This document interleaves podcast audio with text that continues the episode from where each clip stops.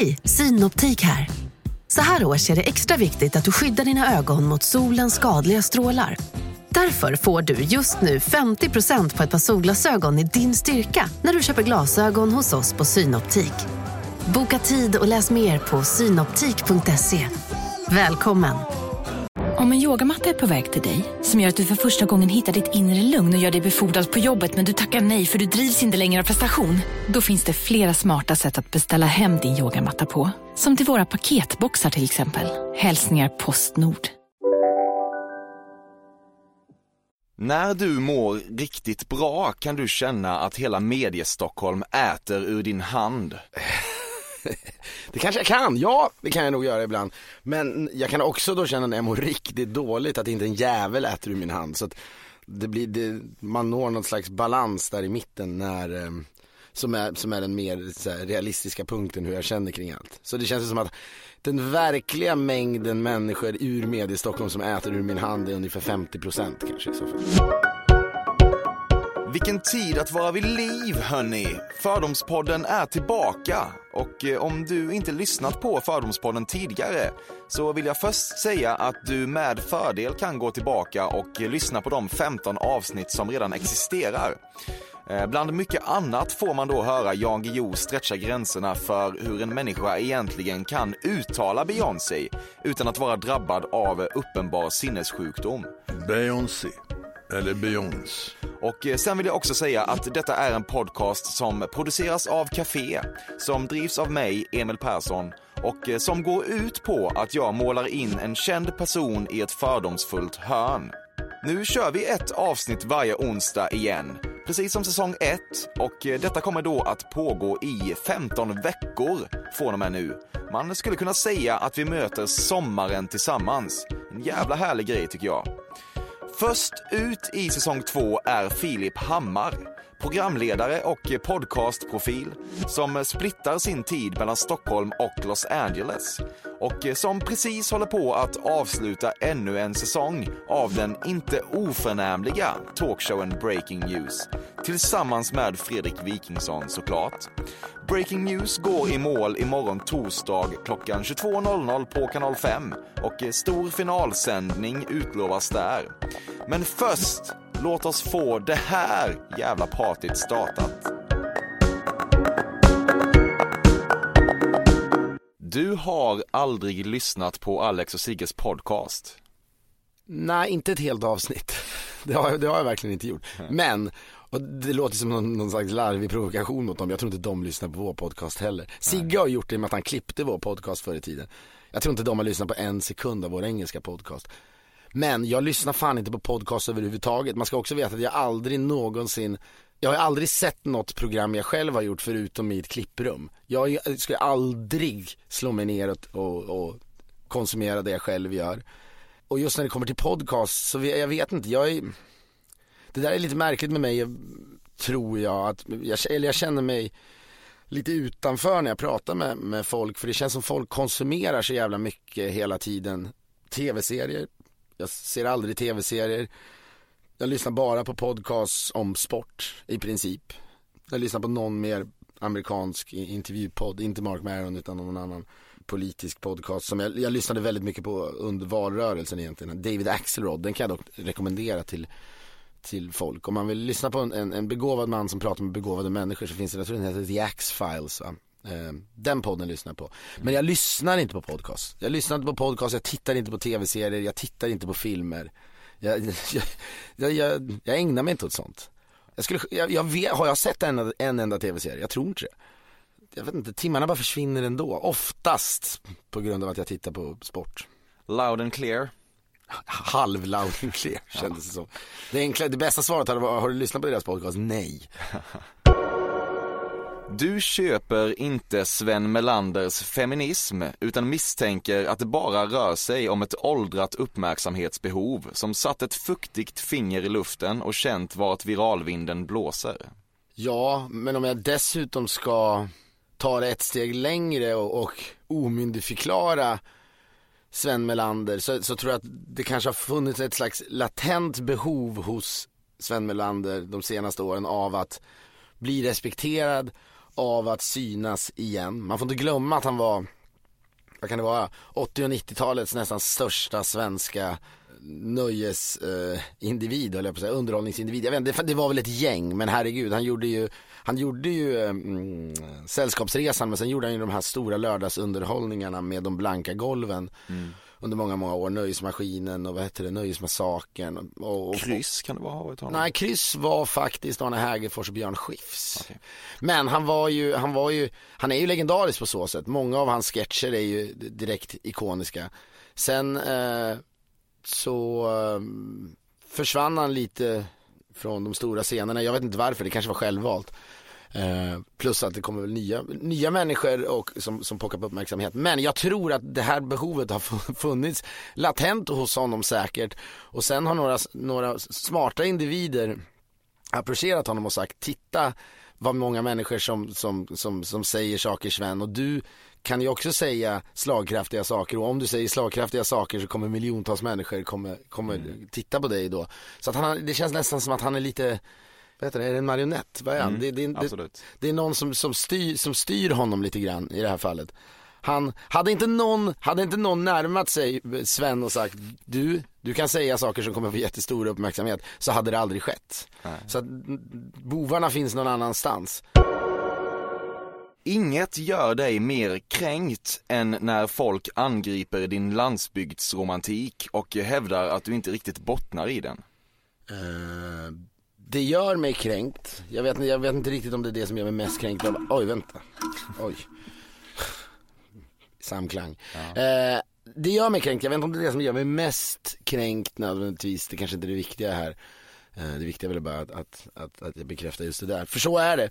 Jag tror att ehm, man, man kan ju bara gå runt och skita i vad folk tycker och tänker och, och nöja sig med att man själv vet vad ens agenda är och vad man bottnar i och så vidare. Men jag, men jag, men jag blir, för mig har det varit under hela min karriär så jävla viktigt att, att min yrkesutövning inte bygger på, på någon slags, liksom, något konstruerat intresse, vad det än handlar om. Utan det är ju, och intresse kanske är fel ord också, men, men en, en, en, en, en, ehm, en dröm om, om att inkludera liksom allt möjligt och alla typer av människor i det man gör.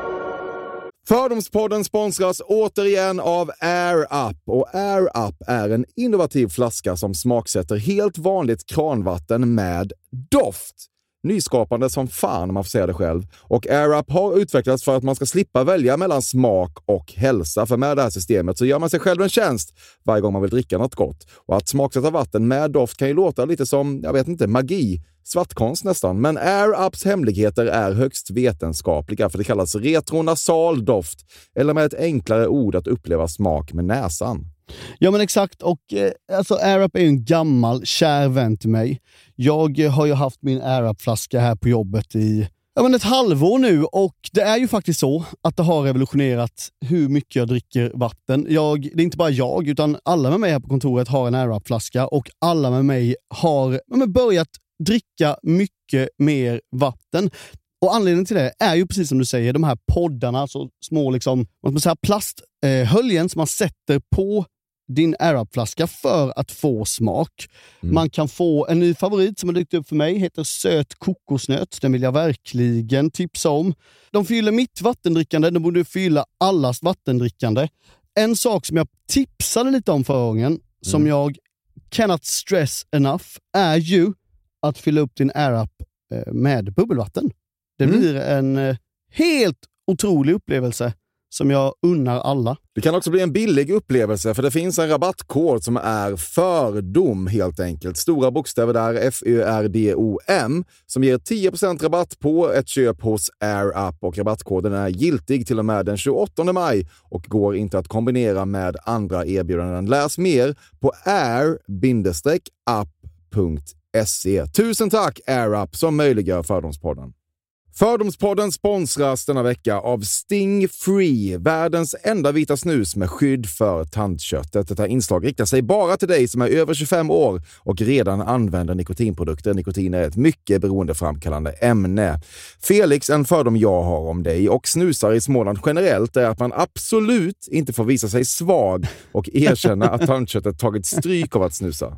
Så är det verkligen Emil. Men visst fan får man skäll av tandläkaren alldeles oavsett. Och en då, som jag kan berätta, som länge trodde att hans tandkött tålde hur mycket snus som helst, det var Bengt Wiberg i Stockholm. Men när han fick ont i tandköttet och tandläkaren sa åt honom att sluta så var han inte så stöddig längre. Och då fick Bengt Wiberg en tokig idé. Han tänkte, vad händer om jag sätter plåster på tandköttsidan av prillan? Är det sant? Ja. Och det funkar alltså? Alltså man plåstrar prillan för hand, så att säga? Ja, precis. Plåster på tandköttsidan av prillan testade han och det funkade otroligt nog. Och snuset smakade fortfarande gott och levererade nikotin precis som det skulle. Men det är ju liksom... Det måste väl ändå vara revolutionerande det här. För en riktig skitgrej med snus är ju att tandköttet tar stryk. Eh, och det här låter ju ändå som en, någon slags produkt som är, blir lika självklar som typ ja, men bilbältet eller en cykelhjälm eller vad som helst. Ja, precis. Ja, men vi, vi är många som har haft problem med det här genom åren sannoliken. Och nu är den här idén patenterad och istället för plåster så är det blå skyddet inbyggt i prillorna. Och Sting Frees produkter finns att köpa i butik och på nätet. Så läs mer om världens enda vita snus med skydd för tandköttet på stingfree.se. Tack Sting Free! Och tack Bengt Wiberg! Verkligen. Fördomspodden sponsras av Bastard Burgers som är den norrländska burgarkedjan som ju finns över hela landet plus i Oslo, i Helsingfors och New York och de serverar svenskt nötkött och har en stor vegansk meny. Och vi ska prata lite mer om det här eh, signaturburgarkonceptet för 2024 som går ut på att det varannan månad presenteras två nygamla signaturburgare som gör efterlängtad comeback på Bastard Burgers och det heter ju Hall of Fame. Ja men det ska vi verkligen, men innan vi ska dit så skulle jag vilja lyfta en sak Emil. Nu kommer sommaren, nu kommer after work-tiden. Man känner hur det spritter i benen. Mm. Ta den after work på Bastard Burgers, för vet du, förutom liksom den härliga ambiansen så har de ju spicy nuggets på menyn. Vi pratade om detta förra veckan. De har ju haft chicken nuggets på menyn ett tag, men nu finns det alltså spicy nuggets. De har tagit det till en nivå till. Det skulle jag verkligen vilja tipsa om nu när sommaren kommer. Att öl eller någon annan slags beverage och spicy nuggets, där har du en AV i min smak. Mm.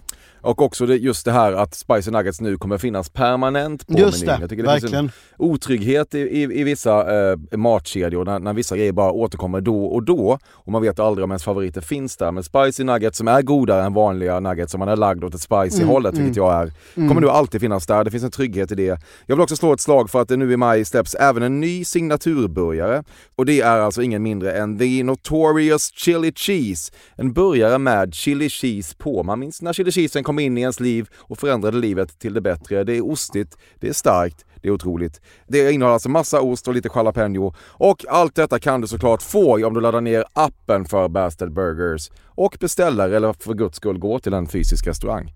Tusen tack Bastard Burgers som möjliggör Fördomspodden. Tack Bastard! Du kopierade andras anteckningar på högstadiet.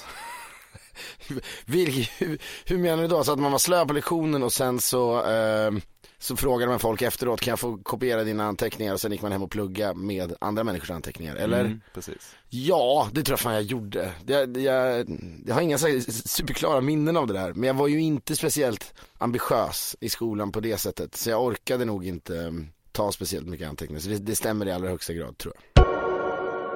Du pushar andra människor att fatta drastiska och ibland destruktiva beslut för att det skänker innehåll till ditt liv. Gör jag det? Nej, det tror jag det, det, det tror jag inte. Eller det är i alla fall extremt omedvetet. Men ofta så tycker att det här innehållet du pratar om som, som jag gillar och som, som skänker, skänker glädje till mitt liv. Jag tycker oftast att det inte eller det, jag, jag kan inte minnas en enda gång du har gjort något sånt där, tagit ett aktivt, tagit nästan ett aktivt beslut åt en annan människa för att jag själv ska få ett roligare liv. Det tror jag inte.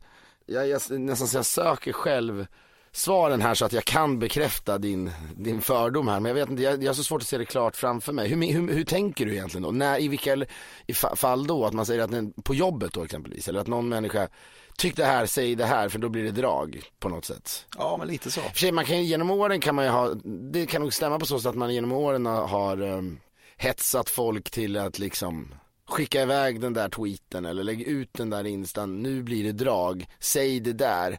Mm.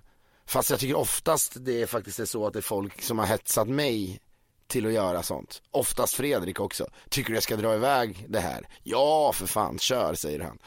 Mm han var inte helt oinstrumentell när jag, när jag hade det här, um, den här tweeten om prinsessan Sofias um, välgörenhetsorganisation där. Alltså, som det ja. blev lite drag kring. Mm. Uh, överklass charity eller vad jag kallar det. Då vet jag att jag, jag liksom hade skrivit den men sen drog jag upp den i Fredriks ansikte precis innan jag skickade den sa ska jag dra iväg den här? Självklart sa han. Så, så att jag tycker nästan att snarare jag är offret eh, på så sätt. Att det är oftare så att, att jag jag kanske har en idé där folk borde stoppa mig. Mm. Men då säger alla runt omkring mig, gör det, gör det, gör det för att de vet att det kan bli drag. Så det, det, är sällan jag har liksom lyckats hetsa, folk till att göra, göra galna grejer tror jag. Du ogillar Kalle Schulman intensivt, men har svårt att leva ut ditt intensiva ogillande eftersom du verkligen tycker om hans bror Alex. Nej, fan, jag tycker inte det där Nej men det, det, det, stämmer att jag gillar hans bror väldigt mycket men jag tror inte egentligen att jag har så extremt starka åsikter om Kalle. Eh, inte, så, inte så intensiva åsikter som du vill få det till här. Nej. Jag tror bara att eh, ibland så hamnar man bara i situationer med folk och han blev för mig symbolen för, av det här liksom svansandet inför kungahuset och allra mest eh, svansandet när det var det här jävla bröllopet. Då, då fick jag på något sätt någon dålig smak i munnen och så såg jag bilder av honom och så kanske jag kan fungera. Så tänkte jag, fan vad han är nöjd över det här. Och sen får man höra, sen, sen ser man samtidigt att, eh, att, att kungligheter överlag får så jävla mycket beröm för att de gör, eh, jobbar med välgörenhet. Och så tänker jag, vad skulle de annars göra om de inte jobbar med välgörenhet? Varför ska vi ge dem så mycket beröm för det? Och så blev han arg på mig, du vet det är en boll som börjar rulla så att säga. Jag, det är inte så att jag egentligen känner Kalle så väl. Men det som var väldigt eh, besvärligt var väl han, alltså hans ilska, han var ju så jävla förbannad. Jag kan gå in i en situation med ett leende, på, mer eller mindre med ett leende på läpparna. Mm. Då är det jobbigt om den andra människan så att säga i den andra ringhörnan är svinallvarlig och svinarg. Det skapar en, en, en märklig, eh, en, en, en, märklig dynamik. Även för mig, det är inte bara så att liksom, här står jag och garvar utan det, det är väldigt, det är så här, det blir, eh, det är svårt att, att göra något vettigt av den typen av liksom eh, bråk tror jag om, om folk kommer in med helt olika värden på något sätt. Mm. Någon tycker det är lite halvlustigt och den andra ser ser på det som att det är på liv och död. Så därför blev det kanske lite, eh, därför blev det så jävla märkligt det där. Eh, mm. Men nu, nu så är vi vänner. Nu, eh, eller vänner inte jag. Händerna är skakade och det, allt känns helt okej. Okay. Mm. Så att man, man måste gå vidare. Du mår inte exakt piss när du får klämma i med ett riktigt saftigt franskt uttal. Nej, det, det gör jag inte. Men jag känner att jag har mindre och mindre täckning när jag gör det. För en gång i tiden så var jag ganska duktig på franska. Och jag, jag var på väg att, att, att um, bli direkt jättebra på franska. Och jag trodde att det där skulle hålla i sig men uh, jag har varit alldeles för slö, jag har inte underhållit franskan så den sakta men säkert håller den ju på att nästan försvinna ur min hjärna. Och då blir det ju lite töntigt om det enda man, man har kvar och, och stoltsera med är att man kan uttala Bertrand Monet och sånt där. Eh, men visst gillar jag det. Mm. Du hatar carpool karaoke. Ja, det gör jag. Och jag hatar det tror jag av, av flera anledningar. Dels finns det en dimension av avundsjuka som är supertydlig. Eh, att en människa får en idé, vilket jag tror att det är, i farten. Testar det bara som, ett, som, som, ett, som kanske ett enskilt grepp i en intervju i ett tv-program. Och sen växer det och blir det som idag väl är världens kanske mest virala humorklippsserie antar jag. Jag vet inte vad som kan konkurrera med det där men Nej. alla har ju varit med i Carpool Karaoke. Så av den anledningen, jag känner nog en avundsjuka för att det inte var jag som kom på det eller att det var jag och Fredrik som kom på det. Eh, det jag, men sen tror jag jag hatar det eftersom att man ser jag hatar alla copycats. Jag hatar att folk inte anstränger sig mer. Att folk tror att bara för man sitter i en bil nu så ska någonting flyga, alltså viralt, bli populärt. Så att man, man ser ju ständigt, både i Sverige och utomlands, man ser ju komiker som inte liksom anstränger sig, som bara, ja, då gör jag lite intervjuer i en bil eller vad fan det nu kan vara. Det finns väl massa olika sätt att, att, att kapitalisera på just the original carpool karaoke. Det kan jag, det kan jag hata. Men jag kan heller inte så här, jag, jag känner att jag, jag, kan inte tycka att det är så kul, för jag tycker inte att det är så kul. Och anledningen till att jag inte tycker det är så kul är att jag är lite trött på att se kändisar som bjuder på sig själva. Mm. Och att, att folk ska tycka att det är så förbannat jävla ödmjukt av Adele eller Chris Martin eller vem det nu kan vara. Att, att, att, att, att så stora stjärnor sätter sig i en bil och bara sjunger mm. osminkade och så vidare. Det här, det, det, man, det folk inte ser eller väljer att inte se är ju att de gör ju det bara för att det ska gagna dem själva. De gör ju inte det för att bjuda på en härlig show och vara ödmjuka. Mm. De gör ju det där för att människor, människor ska känna precis vad människor känner. Mm. Gud, Chris Martin verkar vara en fin kille. Han sitter där och sjunger en George Michael-låt i en... I Folk en... tänker bara i ett led.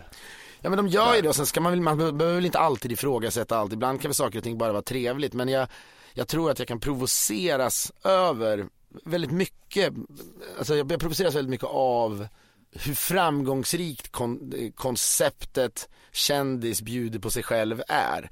Och det där har ju existerat före eh, Carpool Karaoke men kanske var det kändis, kändis bjuder på sig själv dödsstöten är Carpool Karaoke. För jag menar, det är ju i alla, hela Jimmy Fallons show bygger ju på det där. Att, att en kändis kommer in och gör något man inte tror att en kändis ska göra. Och sen ska vi andra tycka att det är helt otroligt vilken ödmjuk människa det är. Jag är trött på, på, på det.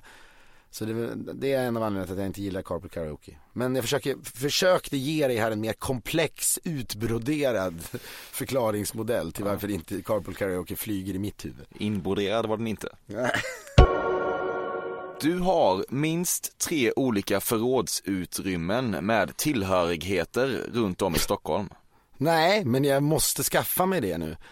För att jag har, eh, jag har ett slags, ett, ett, ett sätt för mig att, att uh, hantera analkande depression. Och då pratar vi om depression med uh, olika stark intensitet. Men jag känner att jag mår lite så piss då har jag en tendens att, att köpa grejer. Och det är inte så att jag köper grejer som kostar hundratusentals kronor utan jag kan köpa en begagnad tekanna från Skultuna för 250 spänn. Men jag köper på mig ganska mycket grejer. Och nu finns det faktiskt inte plats i min lägenhet för allting. Jag köpte bland annat en begagnad soffa häromdagen som innebar att jag måste ta ut en annan soffa. Så jag måste skaffa mig ett sånt här extra förråd nu där jag har grejer faktiskt. Eh, mm. Och det är väl ett, det är då ett monument över min, min, min mentala eh, skick. så ju fler sådana jag har desto sämre mår jag. Du vet inte hur man taggar människor på Instagram. Nu vet jag det, men jag visste, jag visste det inte tidigare. Fast jag kan ha lite problem. Jag tycker vissa när man ska tagga, ibland så dyker det inte upp. Jag vill ju bara, bara skriva ett par bokstäver och sen så kan jag klicka, så får man upp förslag på vem det är som ska taggas. Ibland så, trots att den där människan finns i min värld på Instagram så, så måste jag skriva ut hela adressen och så vidare. Men ja, visst, det är en slags te teknikidiot-aura ja. som, som jag får uh, uh, skriva under på. Du gillar idén på att vara en människa med en lätt osund relation till piller minst lika mycket som pillren i sig. Nej, men det där springer ur, jag, jag tror igen, någonstans är det en tyst, märklig protest mot liksom moralpaniken Sverige, tror jag. Mer än att det är någon slags persona jag, jag vill att folk ska förtjusa sig i. Det tror jag inte, men jag, jag tror att det, det, det, är omedvetet allt det här. Men jag kan tänka mig att jag ibland genom åren har, har pratat om vare sig det är droger eller piller. Nu, vissa bedömer det som mm. eh, exakt samma sak. Men jag tror att, genom, jag tror att, det, att när jag snackar om sånt där på ett liberalt sätt och på ett, ett, ett, sätt av att vad fan det är väl inte så farligt. Så är det nog för att jag tycker att Sverige är så jävla trångsynt när det kommer till sånt där och att jag får att jag provoceras något alldeles oerhört av, av folks föreställningar och i, speciellt i Sverige att, att många är så övertygade kring hur, hur det ligger till med droger och hur det ligger till med, med sjukvård och du vet, sanningen om att i USA skriver de bara ut massa piller till vem som helst. Eh, det spelar ingen roll om man är sjuk eller inte. Alltså den här känslan som, som jag tycker genomsyrar Sverige ibland av att, att här vet vi bäst.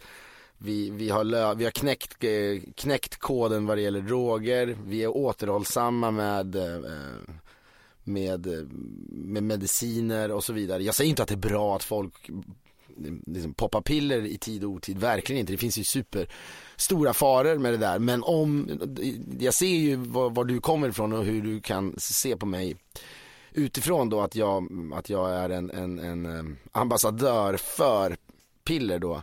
Men vad, vad det handlar om tror jag är bara det där att jag blir provocerad av hur rädda svenskar är för allting och hur övertygade svenskar är över att vi har hittat den, den gyllene vägen när det kommer till sånt där. Jag minns själv när jag, när jag skulle dra ut någon, någon uh, visdomstand uh, i USA och då säger han, men fan vi drar alla fyra på en gång, säger tandläkaren.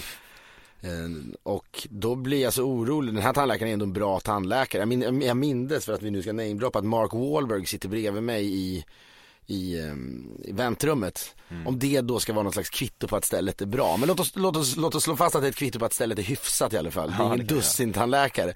Och när jag går in där och han säger nu vill jag dra alla fyra så säger jag ja innan du får göra det här så vill jag bara ringa min tandläkare på Kungsholmen i Stockholm. Mm. för att kolla om det här är okej. Okay. Och där har jag väldigt mycket, då är jag ju själv väldigt mycket den svensken jag på något sätt mm. föraktar här. Det vill säga att ah, sjukvården är bäst i Sverige, jag måste bara ringa min tandläkare, äh, min tandläkare som äh, liksom, min 67-åriga tandläkare på Kungsholmen som jobbar några extra år här nu och har en hund inne i rummet när jag kollar mina tänder i Stockholm. Jag ringer honom och hör vad han säger om det här med fyra visdomständer. Mm. Eh, och så säger han att man absolut inte ska dra alla fyra, så drog jag inte alla fyra. Eh, men det finns den där eh, som man har fostrats i Sverige tror jag med att, att, eh, måttlighet och man ska vara så himla försiktig med allting. Jag tror att man ska vara försiktig med väldigt mycket men, men ibland måste vi i Sverige också tror jag våga ifrågasätta liksom. Kan det vara så att det finns en gyllene väg någon annanstans, i en annan värld, mm. i ett annat land kanske.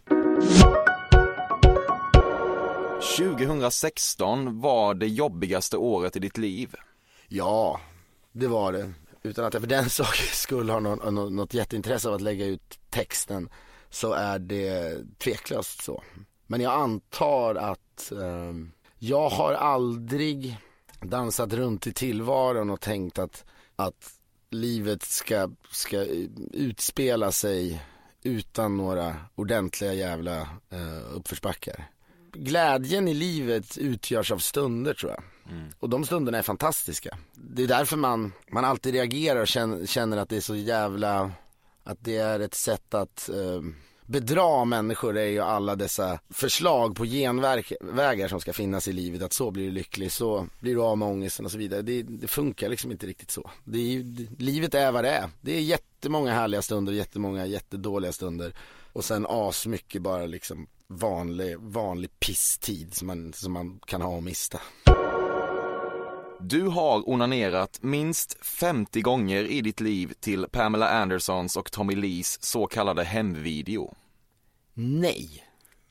Verkligen inte. Nej. Jag har ett... Eh, ja, jag hade nog kunnat göra det, för det, det finns en lockelse i hemvideos, no doubt. Det har hänt många gånger att man har skrivit in i sökrutan eh, homemade, va? Är det ja. de kallas? Men då gillar jag mycket mer den typen av porrvideos som, som, som innehåller en scen med två helt o, uh, okända människor. Problemet med, med Pamela och Tommy, om vi nu ska analysera just den videon, är att den känns väldigt medveten. Den, den, de, de, de vill nog inte att det här ska hamna på, på villovägar. Men det är något showigt i den videon som gör att den blir väldigt oupphetsande tycker jag. Man tutar inte med kuken Exakt, jag skulle komma till när han tutar med kuken eh, så, så, så tror jag att det dör för mig. Jag har säkert tittat på den 50 gånger, men den sexuella upphetsningen är obefintlig. Det, de, det fanns en jättepotential, Pamela Anderson och, och, och, och Tommy Lee såklart. Men, men den, den, är lite för mycket av ett, um, ett skämt.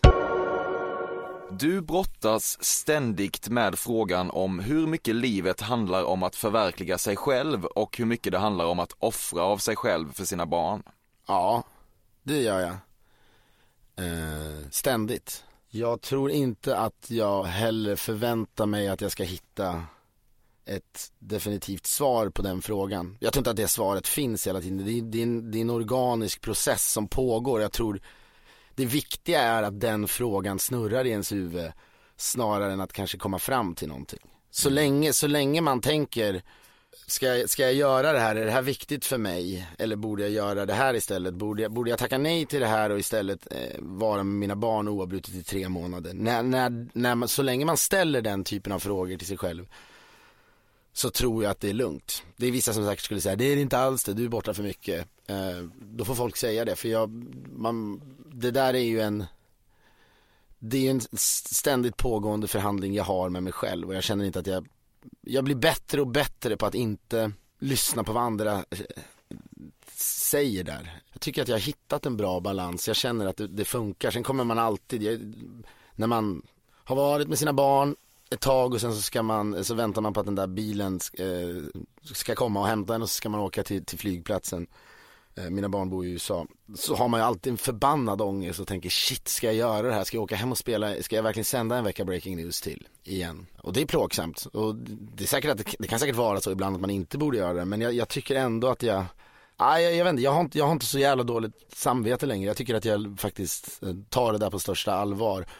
Och jag är inte heller så övertygad om att det finns ett specifikt sätt att att, ehm, att prioritera på eller hur mycket man hur är, är eh, att uppfostra barn innebär att man ska vara med barnen hela tiden? Innebär jag, jag, jag tror inte att det finns några sanningar där utan man, man, får försöka man får försöka hitta sin version där man tror att barnen blir som lyckligast för, för, för så är det. det mitt, mitt, min största prioritet i livet är ju mina barn, ständigt, ständigt. Det är ingenting man bara säger, det, det, det förstår alla föräldrar så att säga. Eh, men, men ibland tror jag man kan bli, eh, man får passa så att det där inte helt bara tar över ens liv. Känslan av du vet, det dåliga samvetet och så vidare. Jag tänker också att livet är långt. Om jag är borta en period som är lite längre ibland så tycker jag det är tråkigt. Jag tror mina barn tycker det är tråkigt men förhoppningsvis kan jag ta, det, ta igen det sen. Och av, på grund av att jag gör allt det här kanske jag kan ge någonting annat till mina barn som jag inte hade kunnat gett om jag kanske var med dem hela tiden. Jag vet inte, jag, nu låter det nästan som jag bara försöker hitta hitta anledningar till att eh, döva mitt dåliga samvete men så, så, är det inte. Och dessutom är jag med mina barn jävligt jävligt mycket och när jag väl är med dem i USA så jobbar jag mycket mindre. Då kan jag vara med dem hela tiden så att eh, men med tanke på mitt, mitt, mitt långa svar här så, så, förstår du också att det, det är en fråga som, mm. som jag ständigt dealar med. Trots att du bor i USA är du ganska dålig på fickparkering. Ja. Är folk bra på att fickparkera i USA eller tänker du att folk kör så mycket bil där? Jag tänker som... att du kör mycket bil och ja, behöver fickparkera Nej det, där, det ligger liksom inte för mig det där. Det är inte inom ramen för vad jag har talang för går i arv alldeles uppenbart. Min, jag vet inte hur många gånger jag faktiskt har sett min pappa gråta när han har försökt eh, fick parkera sin bil och eh, hur min, min mamma har skällt på honom för att han är dålig på det. Mm. Och jag tycker att hon har skällt på honom för mycket men jag tycker också att han är, han, han är, det är ofattbart att man under ett helt liv har haft noll uppåtgående kurva. Mm. Eh, det finns, och jag är likadan tror jag. Mm. Du förundras över hur mycket inbakat dissande man kan komma undan med i podcaster och tv-program om man först bara deklarerar att man älskar personen X och sedan totalt skjuter ner personen X. Att jag frustreras av det? Så ja, du förundras över hur mycket man kommer undan med det. Jag antar att, att det, det, du säger här är att jag sysslar med precis det. Eh... Kikar ibland. Ja, men så kan det vara. Men jag, vet, jag tror inte att jag förundras över det. Det är ingenting jag reflekterar kring. Men du sätter nog fingret på någonting för jag kan se, bara när vi gör breaking news så kan jag när jag, när jag ser vårt manus så kan jag ju se att så här, vi, vi börjar ofta en, en punkt med att säga vi älskar den här människan så mycket och att det sen ska ge oss då utrymme till att kritisera den här personen. Ja, ibland, jag kan tycka att det är lite möjligt att ibland att det är lite ryggrad, eh, ryggradslöst att hålla på så. För att jag står alltid för det vi ska kritisera en person för eller skämta om, så, så att säga. Så att jag, jag, man kanske inte behöver det där. Men samtidigt lever man ju och opererar i, i en tid där folk blir jävligt upprörda för väldigt mycket. Eh, och då kan det väl kanske snarare vara vettigt och bra att säga att jag tycker om den här människan. För, för i nio fall av tio är det också så. Jag gillar den här människan men nu har den här människan gjort det här, det här tycker jag är kul. Ja, det här vill jag verkligen prata om i en podd eller det här vill jag visa upp i ett tv-program. Då är det väl tyvärr så att jag kan inte göra det utan att säga att jag gillar den här människan för då, blir det, då kommer folk tro att jag inte gillar den människan. Så det, det mm. Men, men det, är något, det är en väldigt automatis, det är ett automatiserat manusskrivande på något sätt. Det händer bara.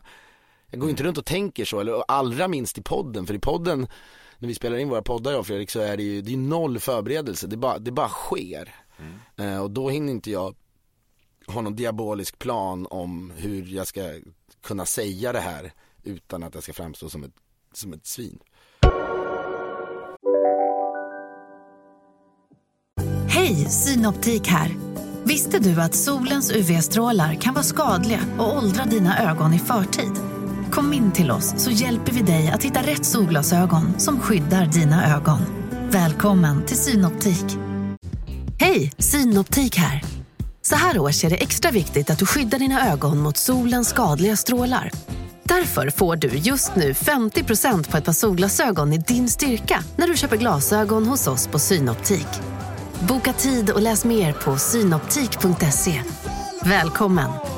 Välkommen till Momang, ett nytt smidigare kasino från Svenska Spel, Sport och Casino där du enkelt kan spela hur lite du vill. Idag har vi Gonzo från spelet Gonzos Quest här som ska berätta hur smidigt det är. Sí, es muy excelente y muy rápido! Tack Gonzo!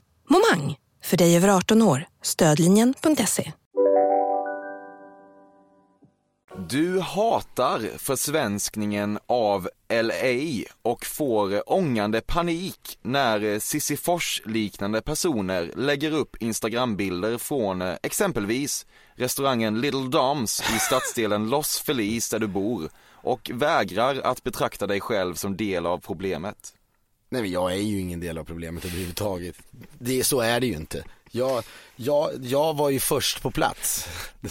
Jag, det var ju, it was a, um, it was a small step for man and a giant leap for mankind. När jag, när jag, så att säga, jag var ju Neil Armstrong, jag var där. Uh, och sen har alla kommit efteråt. Men jag vet, jag vet inte hur mycket jag bryr mig om det egentligen. Jag, jag, jag tror faktiskt man, man tittar på sig själv utifrån, försöker göra det så lite som möjligt. Men om man gör det så tror jag att jag har, vad, på vilket sätt har du förändrats Filip? Om någon säger det och om man ser på, på dig för nu och för tio år sedan så tror jag det faktiskt är så att jag är mycket mer ängslig. Jag, jag, det är inte så jävla viktigt för mig att vara på, på rätt platser eller att, att vara på barer där en viss typ av svenskar inte har varit. Jag, jag skiter faktiskt i det. Men jag kan, jag kan ju roas av och det här ska eh, sannerligen inte Cissi Fors klä skott för, jag vet inte ens om hon har varit på Little Det vet jag inte heller. Nej, jag har ingen aning. Du, du, du, tyckte att hon var en människa som är i samklang med att hamna på Little Doms och Exakt. att insta om det. Men jag, eh, men, men man kan ju roas alltid av svenskar generellt, hur, vilket flockbeteende som finns. Det här kanske är något som, som gäller alla nationaliteter, det är bara det att vi inte är bekanta med det eftersom vi inte följer var eh, Frankrikes Sisyfors käkar, lunch.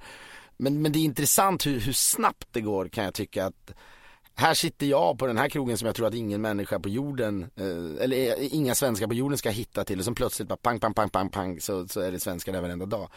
Det ringar på något sätt in vilka vi är, vi svenskar. Det kanske det finns ett dåligt självförtroende i det där, att, att man går dit alla andra har gått. Mm. Samtidigt som det finns naturligtvis en dimension av att vi svenskar är bra på att hitta härliga ställen.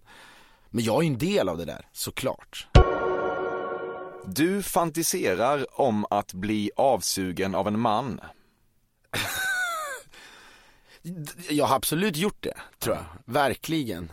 Det är svårt att referera till saker jag har svarat på tidigare, men låt oss mm. utgå från att frågan om eh, min pillermissbrukar persona mm om jag refererar bak till det så tror jag att det är samma sak samma mekanismer som gör att du tror att jag vill bli avsugen av en man.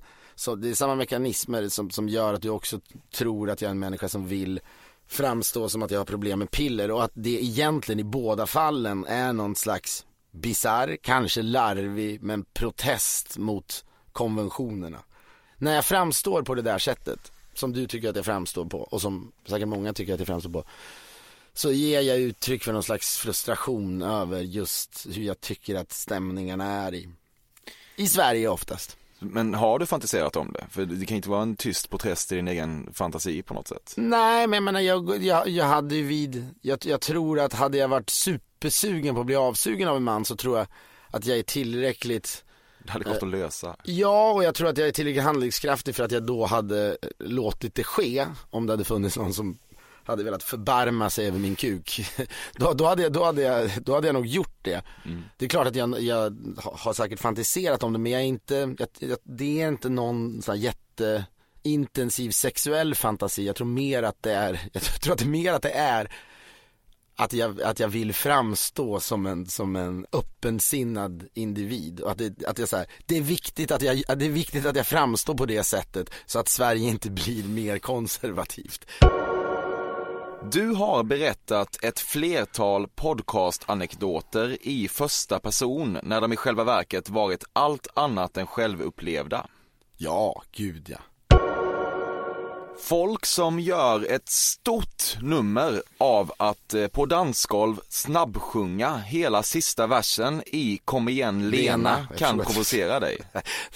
Nej, nej, jag tror att jag själv har gjort mig skyldig till det här, men vet du, jag är för slö för att, för, för vi vet ju alla att skulle man bara lägga en timme på att repa det där, så tror jag att det skulle sitta och sitta i många, många år. De som gjorde jobbet när det begav sig, Låt oss säga, inte fan vet jag vilka är de här riktiga Håkan-fansen. Gustav Gelin på Dagens Nyheter, han var väl en jätte-Håkan-fan och är alltjämt. Jag kan tänka mig att han, när Håkan Hellström när han slog igenom bars runt inne på källaren Diana i Gamla stan och det var dans, dans, dans estetiken som, som, som, som ägde och hade Stockholm i sitt grepp. Då lärde ju sig Gustav Jelin-typerna den där, det där korta stycket i den där låten och de kommer kunna det för evigt. Eh, Men jag gjorde ju aldrig jobbet så att jag kan nog göra ansatser till att börja sjunga med, eller rappa med vad jag ska säga. Men jag grejar det ju inte. Nej. Men de är så nöjda ju när de kör sina Coca-Cola-tricks. Ja, jag kan säga avund snarare. Fan att jag inte lärde mig det där. Det, det, det är snyggt att kunna det där. Och jag, jag, empiriskt, anledningen till att jag säger att jag tror att det sitter, det är för att jag minns att min mamma som var eh, religionslärare, av någon anledning så tyckte hon att jag skulle lära mig namnen på alla Jakobs söner kanske det var, var han en av eh, lärjungarna. Och det minns jag, det här lärde jag mig när jag kanske gick i femman eller något. Och jag tror fortfarande, vet du, Ruben, Simon, Levi, Juda, Isaskar, Sebulon, Naftali, Dan, Gad, Asa, Josef och Benjamin tror jag. Du ser, jag vet inte ens riktigt vem söner det var.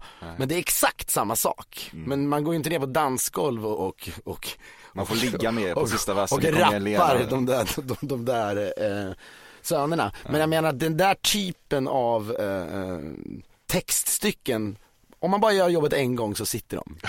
Men du tror att folk har liksom fått, har kunnat ragga med att kunna det där? Absolut. Ja, nej, det kan, och de, de förtjänar det. Jag har sett det själv.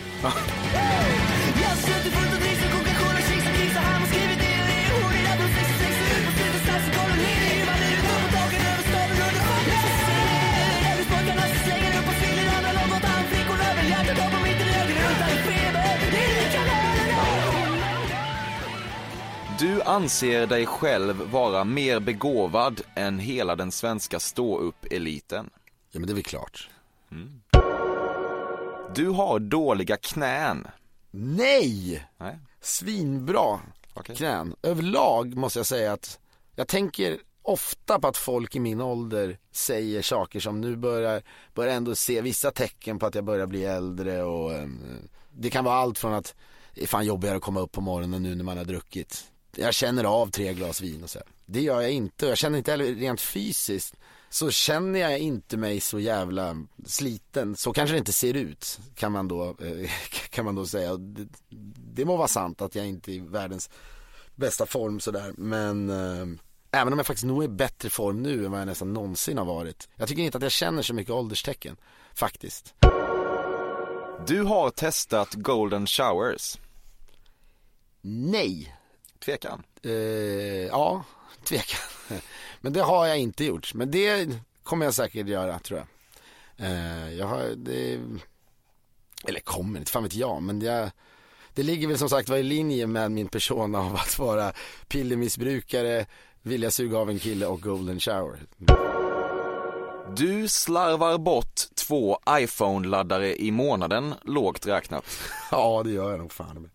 Usch. Det är inte, alltså ibland låter det som att eh, det låter vulgärt och det låter som att man inte har respekt för pengar, men det har jag. Men det, det bara blir så, tyvärr. Du kan tycka att eh, falling down är en ganska trött metafor för sammanbrott vid det här laget. En uppdatering av referensbiblioteket behövs där. Ja, det, det, kan, det har du nog rätt i. Det, man, det finns ju hela tiden grader i hur upprörd man är över saker. Ibland så blir man provocerad på allvar, ibland så suckar man. Ja. Men visst, om någon säger så här, ja det, det luktar falling down lång väg, förr eller senare så kommer man bara få nog. Då kan jag nog lite för mig själv eh, sucka. Kanske söka Fredriks blick och tänka, fan att den där personen inte eh, kan, kan, kan, kan bjuda på något mer något, något, mer spännande i form av eh, insikter. Eh, men det är verkligen sant, men finns det, frågan är vad den nya referensen är för Falling Down, jag vet inte. Nej.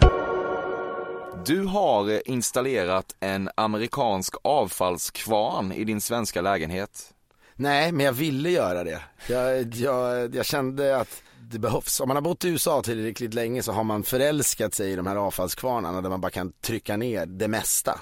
Jag är inte en sån människa som trycker ner saker som man ska källsortera, inte alls så, men det är jävligt härligt när man bara kan trycka ner, du vet, all mat och eh, du har käkat melon kanske, så melonskalet bara trycker du rätt ner i den där jävla eh, kvarnen. Det är en, det är en, det är en frihetskänsla som är svår att toppa. Och om man då plötsligt eh, har en lägenhet i Sverige så drömmer man ju om att, att kunna uppleva samma frihetskänsla i Sverige. Men jag var dum nog att, att ställa frågan till styrelsen i mitt hus om man fick installera sådana här avfallskvarnar och då fick jag nej. Då hade man kunnat varit lite rebellisk och installerat den i alla fall, men det, det gjorde jag inte. Nej. Men det är jävla härlig grej, avfallskvarnar. Jag mm. tror att det kommer ta Sverige med storm snart. Du är frusen. Ja, som djävulen har jag insett. Jag har inte trott det tidigare, men jag märker i jämförelse med andra. Och det kanske har sin förklaring i att jag är en extremt hårlös människa. Alltså jag har, jag är som en naken hund på något sätt. Jag har, om man inte ser min arm här så har jag, alltså jag har inga, mm. ingen naturlig hårväxt på, um, just framförallt är det då armar och ben och bröst och så här. På huvudet har jag ju faktiskt hår. Men kanske är det därför jag är frusen, för jag inte har något, något slags skydd. Mm. Jag hatar den där känslan av att um, att man fryser lite grann. Därför har jag väldigt mycket filtar och så på mig jämt. Nu ska jag slå två flugor i en smäll. Jag är dels frusen och lite depressivt lagd. Men nu har jag fått, jag har ännu inte hämtat ut det här på posten, men det var ett företag som tillverkar sådana här jättetunga täcken som väger 10-20 kilo med kedjor i. Ett sånt täcke ska jag hämta ut idag som man kan lägga sig med då kanske i, i soffan. Och då tyngden gör att man blir lugn och att de här oroskänslorna kanske försvinner och så blir man samtidigt varm. Det känns som ett nytt steg i mitt liv. Jag är oerhört sugen på det här täcket. Du har aldrig någonsin flätat ett badlakan i syfte att snatta en annan intet ont anande kille i ett omklädningsrum med det. Nej, det har jag fan inte. Jag, jag, jag var aldrig en del av den snärtande falangen när jag, när jag växte upp. Filip, vad tycker du om eh, dessa fördomar? Nej, men jag tycker att du har ringat in mig rätt bra. Mycket stämmer. Det, det, det besvärligaste med det här är ju känslan av att vara eh, avslöjad. Och eh, det kanske är nyttigt för en. Man tror att man lyckas eh, förpacka sig själv och man, man tror att man lyckas eh, gömma motiv eh, på ett effektivt sätt. Men det gör man inte alltid. Folk ser saker. Eh, Men det, det är väl bra. Man, man lär sig att man måste bli ännu skickligare på, på, att, på att, att, att gömma just mo- motiven och att, att, att ehm, få saker och ting att framstå på ett ehm, mindre genomtänkt sätt ibland. Ljög du om golden showers? Eh, nej, det, det är den du vill ha fram. Men jag, eh, jag kan ha utsatt, jag kan, ha, jag kan så här då, jag kan ha utsatts för golden shower.